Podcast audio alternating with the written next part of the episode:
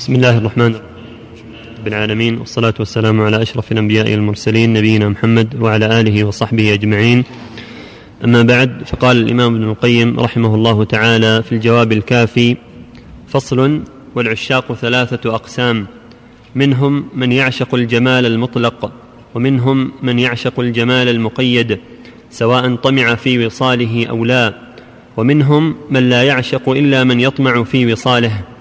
وبين هذه الأنواع الثلاثة تفاوت في القوة والضعف فعاشق الجمال المطلق يهيم قلبه في كل واد وله في كل صورة جميلة مراد فيوما بحزوى ويوما بالعقيق وبالعذيب يوما ويوما بالخليصاء وتارة ينتحي نجدا وآونة شعب العقيق وطورا قصر تيماء فهذا عشقه أوسع ولكنه غير ثابت كثير التنقل يهيم بهذا ثم يعشق غيره ويسلاهم من وقته حين يصبح.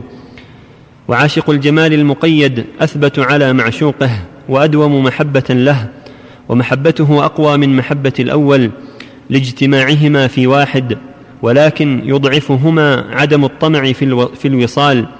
وعاشق الجمال الذي يطمع في وصاله أعقل العشاق وأقوى لأن الطمع يمده ويقويه. فصل وأما حديث من عشق فعفى فهذا يرويه سويد بن سعيد وقد أنكره حفاظ الإسلام عليه. قال ابن عدي في كامله هذا الحديث أحد ما أنكر على سويد وكذا ذكر البيهقي وابن طاهر في الذخيرة والتذكرة. وأبو الفرج بن الجوزي وعده في الموضوعات وأنكره أبو عبد الله الحاكم على تساهله وقال أنا أتعجب منه. قلت والصواب في الحديث أنه من كلام ابن عباس موقوفا عليه فغلط سويد في رفعه. قال محمد بن خلف بن المرزبان حدثنا أبو بكر الأزرق عن سويد به فعاتبه على ذلك فأسقط ذكر النبي صلى الله عليه وسلم وكان بعد ذلك يسأل عنه فلا يرفعه ولا يشبه هذا كلام النبوة. وأما رواية الخطيب له عن الزهري حدثنا المعافى بن زكريا حدثنا قطبة بن الفضل حدثنا أحمد بن محمد بن مسروق حدثنا سويد حدثنا ابن مسهر عن هشام بن عروة عن أبيه عن عائشة مرفوعا فمن أبين الخطأ ولا يحمل هشام عن أبيه عن عائشة مثل عند عند عند من شم أدنى رائحة من الحديث. ونحن نشهد الله أن عائشة ما حدثت بهذا عن رسول الله صلى الله عليه وسلم قط ولا حدث به عروة عنها. ولا حدث به عنه هشام قط. وأما حديث ابن الماجشون عن عبد العزيز بن أبي حازم عن ابن أبي نجيح عن مجاهد عن ابن عباس مرفوعا فكذب على ابن الماجشون فإنه لم يحدث بهذا. ولا حدث به عنه الزبير بن بكار وإنما هذا من تركيب بعض الوضاعين. ويا سبحان الله كيف يحتمل هذا الإسناد مثل هذا المتن؟ قبح الله الوضاعين. وقد ذكره أبو, أبو الفرج بن الجوزي من حديث محمد بن جعفر بن سهل حدثنا يعقوب بن عيسى عن ولد عبد الرحمن بن عوف عن ابن أبي نجيح عن مجاهد مرفوعا وهذا غلط قبيح فإن محمد بن جعفر هذا هو الخرائطي ووفاته سنة سبع وعشرين وثلاثمائة فمحال أن يدرك شيخه يعقوب بن أبي نجيح لا سيما وقد رواه في كتاب الاعتدال عن يعقوب هذا عن الزبير عن عبد الملك عن عبد العزيز عن ابن أبي نجيح. والخرائطي هذا مشهور بالضعف في الرواية ذكره أبو الفرج في كتاب الضعفاء. وكلام حفاظ الإسلام في إنكار هذا الحديث هو الميزان وإليهم يرجع في هذا الشأن. وما, وما صححه ولا حسنه أحد يعول في علم الحديث عليه ويرجع في التصحيح إليه. ولا من عادته التساهم التسامح والتساهل. فإنه لم تصف نفسه له ويكفي أن ابن طاهر الذي يتساهل في أحاديث التصوف ويروي منها الغث والسمين والمنخنقة والموقوذة قد أنكره وشهد ببطلانه. نعم ابن عباس غير مستنكر ذلك عنده وقد ذكر أبو محمد بن حزم عنه أنه سئل عن الميت عشقا فقال قتيل الهوى لا عقل له ولا قود ورفع إليه بعرفات شاب قد صار كالفرخ فقال ما شأنه؟ قالوا العشق فجعل عامة يومه يستعيذ من العشق. فهذا نفس من عشق وعف وكتم ومات فهو شهيد. ومما يوضح ذلك أن النبي صلى الله عليه وسلم عد الشهداء في الصحيح فذكر المقتول في الجهاد والمبطون والحرق والنفساء يقتلها ولدها والغرق وصاحب ذات الجنب ولم يذكر منهم العاشق يقتله العشق.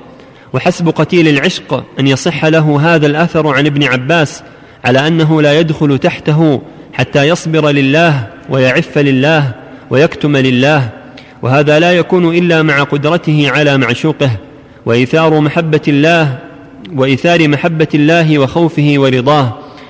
وهذا من أحق من دخل تحت قوله تعالى وأما من خاف مقام ربه ونهى النفس عن الهوى فإن الجنة هي المأوى. وتحت قوله تعالى ولمن خاف مقام ربه جنتان فنسال الله العظيم رب العرش الكريم ان يجعلنا ممن اثر حبه على هواه وابتغى بذلك قربه ورضاه تمت الفتوى الشريفه بحمد الله وعونه فجزاه الله تعالى خير الجزاء واسكنه اعلى فراديس الجنان واصوله وفروعه واشياخه وتلامذته واعاد علي وعلى ذريتي من بركاتهم وحشرنا في زمرتهم في جنة الفردوس تحت لواء سيد المرسلين وإمام المتقين وقائد الغر المحجلين صلى الله عليه وعلى آله وصحبه أجمعين والتابعين لهم بإحسان والحمد لله رب العالمين. تم الكتاب بحمد الله. الحمد لله وصلى الله وسلم على رسول الله وعلى آله وأصحابه. ما بعد فهذه البقية ما يتعلق بالعشق ما ذكره العلامة القيم رحمه الله وهو أن العشق أنواع وأقسام لكن من كان عشقه على طريقة سليمة وعف واستقام وثبت على الحق وخالف هواه فالله جل وعلا يغفر له لكونه عف عما حرم الله واستقام على الحق وثبت عليه حتى مات. أما حديث من عشق وعف ومات إنه يكون شهيدا فهو حديث غير صحيح عن النبي صلى الله عليه وسلم. لكن المعنى صحيح إذا الانسان عشق من لا يحل له. وتاب إلى الله ورجع إليه وأناب إليه فهو على خير عظيم. التوبة تجب ما قبلها. وإني لغفار لمن تاب وآمن وعمل صالحا ثم اهتدى. وهكذا من كان عشقه في الله ومحبته في الله هذا هو كمال الحب. وهو أن يحب في الله ويبغض في الله ويحب أهل الخير ويعشق أعمالهم. معناها أنه يجتهد في حب إلى أهل الخير والسعي في التخلق بأخلاقهم. فهذا أمر ممدوح. وإن سمي عشقا فهو معناه المحبة الطيبة الكاملة وهو أن يعشق أعمال الخير ويعشق أن يكون معهم وفي ركابهم في جميع ما يتعاطونه من طاعة الله واتباع مراضيه والكف عن محارمه فهذا له خير عظيم. المرء مع من أحب قيل يا رسول الله المرء يحب القوم ولما يلحق بهم قال صلى الله عليه وسلم المرء مع من أحب. فمن أحب الله ورسوله وأحب أهل الخير واجتهد في طاعة الله ورسوله ألحقه الله ألحقه الله بهم.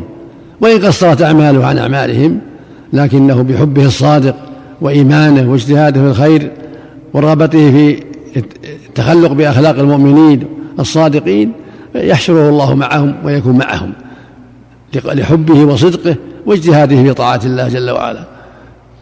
ولهذا قال صلى الله عليه وسلم لا يؤمن أحدكم حتى أكون أحب إليه من ولده ووالده والناس أجمعين. فحب الله ورسوله يجب أن يكون فوق كل محبة.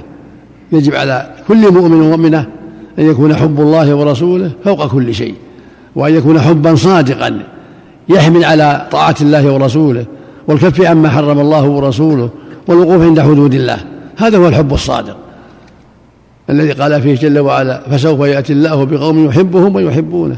أذلة على المؤمنين أعزة على الكافرين يجاهدون في سبيل الله ولا يخافون لومة لائم وقال فيه صلى الله عليه وسلم وقال فيه جل وعلا قل إن كنتم تحبون الله يعني محبة صادقة فاتبعوني يحبكم الله. فالصادق بمحبة الله ورسوله هو المتبع لشرع الله هو المستقيم على طاعة الله ورسوله. هذا هو المحب الصادق. وإن سمي عشقا فإنه إنما هو في الحقيقة الحب الكامل الحب الصادق. فالله ورسوله وأهل العلم كلهم يسمون الحب الصادق حبا لا عشقا العشق إنما هو من صفات الذين يتعاطون عشق الصور من, من النساء وغيرهم. أما ما يتعلق بحب الله ورسوله فيسمى حبا حبا. فالمحب لله ورسوله هو الصادق في طاعة الله هو الصادق في اجتناب محارم الله هو الصادق في الوقوف عند حدود الله هذا هو الصادق. وهذا حبه هو الحب الكامل. الذي آثر فيه طاعة الله على حب ولده ووالده والناس أجمعين. فهو مستقيم في طاعة الله كاف عن محارم الله مقدم أمر الله على أمر كل أحد مقدم ما أوجب الله عليها على كل أحد. فهذا هو الحب الصادق. هذا هو الحب الذي رضيه الله وأحبه ودعا إليه رسوله عليه الصلاة والسلام. فالمتحابون بجلال الله يظلهم الله في ظله يوم لا ظل إلا ظله. ومن أحب الله ورسوله حبا صادقا استقام على أمر الله وتباعد عن محارم الله ووقف عند حدود الله. كما قال النبي صلى الله عليه وسلم في الحديث الصحيح ثلاث من كن فيه وجد بهن حلاوة الإيمان. أن يكون الله ورسوله أحب إليه ما سواهما. وأن يحب المرأة لا يحبه إلا لله. وأن يكره أن يعود في الكفر بعد إذ انقذه الله منه كما يكره أن يقذف بالنار فالواجب الحب في الله والبغض في الله على طريقة الكتاب والسنة. محبة من أحبه الله ورسوله من حب محبة من استقام على أمر الله من وقف عند حدود الله وكراهة من حاد عن ذلك. هكذا المؤمن. يحب في الله ويبغض في الله ويعطي في الله ويمنع لله يرجو ثواب الله ويخشى عقابه. نسأل الله للجميع التوفيق والهداية وصلى الله وسلم على نبينا محمد وعلى آله وأصحابه.